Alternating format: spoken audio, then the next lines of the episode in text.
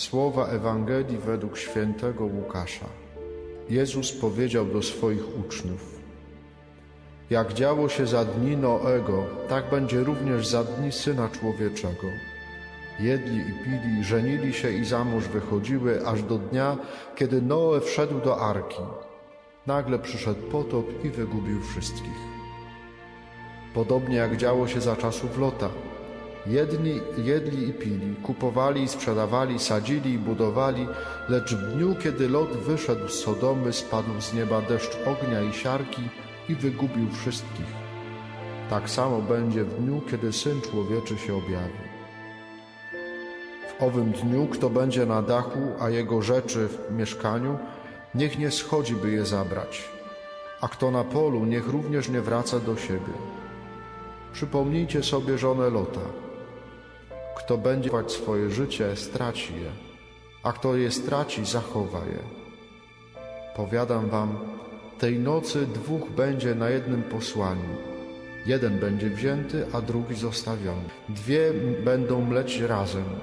Jedna będzie wzięta, a druga zostawiona. Pytali go, gdzie, panie? On im odpowiedział, gdzie jest padlina, tam się zgromadzą i sępy. Dawno temu na lekcjach e, teorii muzyki e, w szkole muzycznej nasz nauczyciel, pan Stefan, puszczał nam różne utwory muzyczne. Następnie prosił nas, żebyśmy albo opisali, albo na kartce namalowali to, cośmy usłyszeli w tym utworze. I to ćwiczenie miało na celu pobudzić naszą wyobraźnię muzyczną, ale uczyło nas również odczytywać emocje, które kompozytor czy też wykonawca włożył w napisanie albo wykonanie utworu. Kiedy obcujemy z szeroko rozumianą sztuką, idziemy do galerii, idziemy do teatru, mniej lub bardziej świadomie, myślę, że nawet nie na poziomie intelektu, a bardziej na poziomie serca, odczytujemy to, co kryło się, czy co się kryje w sercu autora, kiedy tworzył dzieło. Idę do teatru, oglądam sztukę i odczuwam, ta sztuka na mnie oddziałuje, że albo czuję jakiś niepokój wewnętrzny, ona rodzi we mnie jakieś pytania, albo po prostu się dobrze bawię, a czasami czuję po prostu złość. Pamiętam kilka takich sztuk w naszym opolskim teatrze kilka lat temu, że po prostu wyszedłem z, tej, z tego teatru tak nabuzowany, tak pełen agresji. Sztuka, która wywołuje we mnie złość. Można powiedzieć, że to dzieło porusza w moim sercu jakimś, jakieś struny i na podstawie, na podstawie tego, jak te struny brzmią, jak grają, mogę próbować coś powiedzieć o autorze dzieła. Czy był radosny, szczęśliwy, a może był smutny i pogrążony w żałobie? Czy był wzburzony, albo jego serce było spokojne? Czy pogodzony ze światem, albo też buntował, się na wszystko i wszystkich? Nie trzeba zbyt wielkiego wysiłku, by poznać przez sztukę kawałek serca, duszy Twórcy. No bo właśnie Twórca po to tworzy, żeby wyrazić to, co, co ma w sercu. No, nie po nic innego. No, rzadko który twórca e, tworzy ze względów finansowych. Jak jest taki rasowy artysta, byśmy powiedzieli, to, no, to, to ten artysta zwykle to jest jakiś taki no, biedak, nie? tak można powiedzieć. Przecież ci wielcy artyści, wielu z nich, e, no to tak naprawdę za życia klepali biedę, bo im na tym nie zależało. Oni chcieli tworzyć, chcieli wyrazić to, co mają w sercu, chcieli to wyrazić na płótnie albo przez muzykę.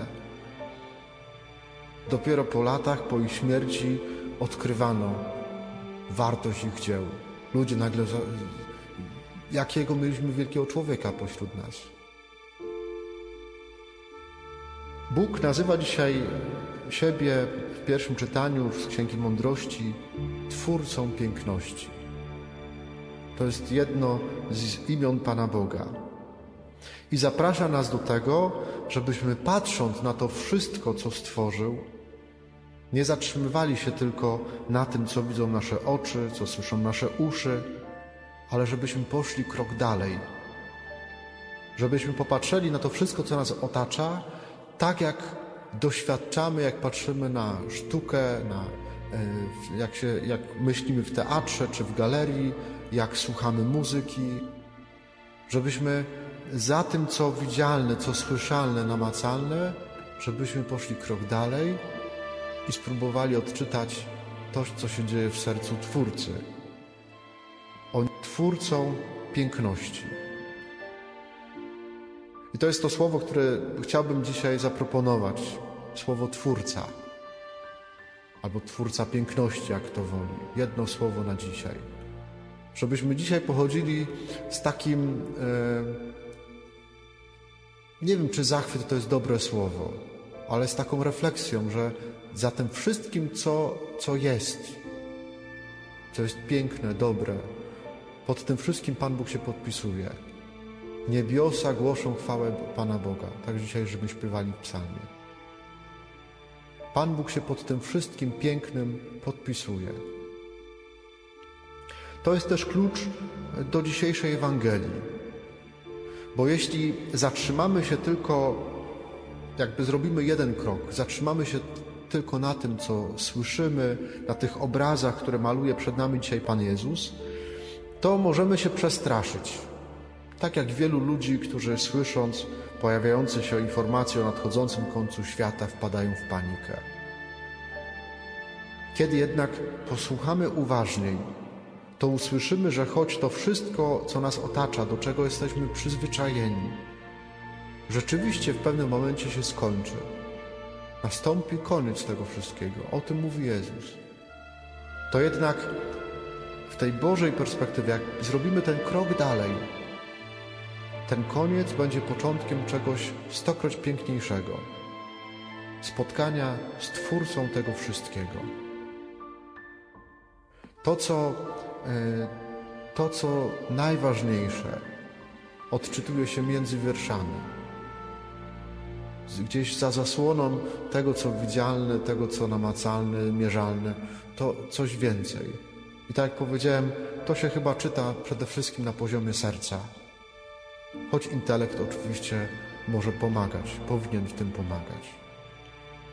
Prośmy dzisiaj o taką zdolność głębokiego patrzenia, które za tym, co widzialne, potrafi dostrzec także Twórcę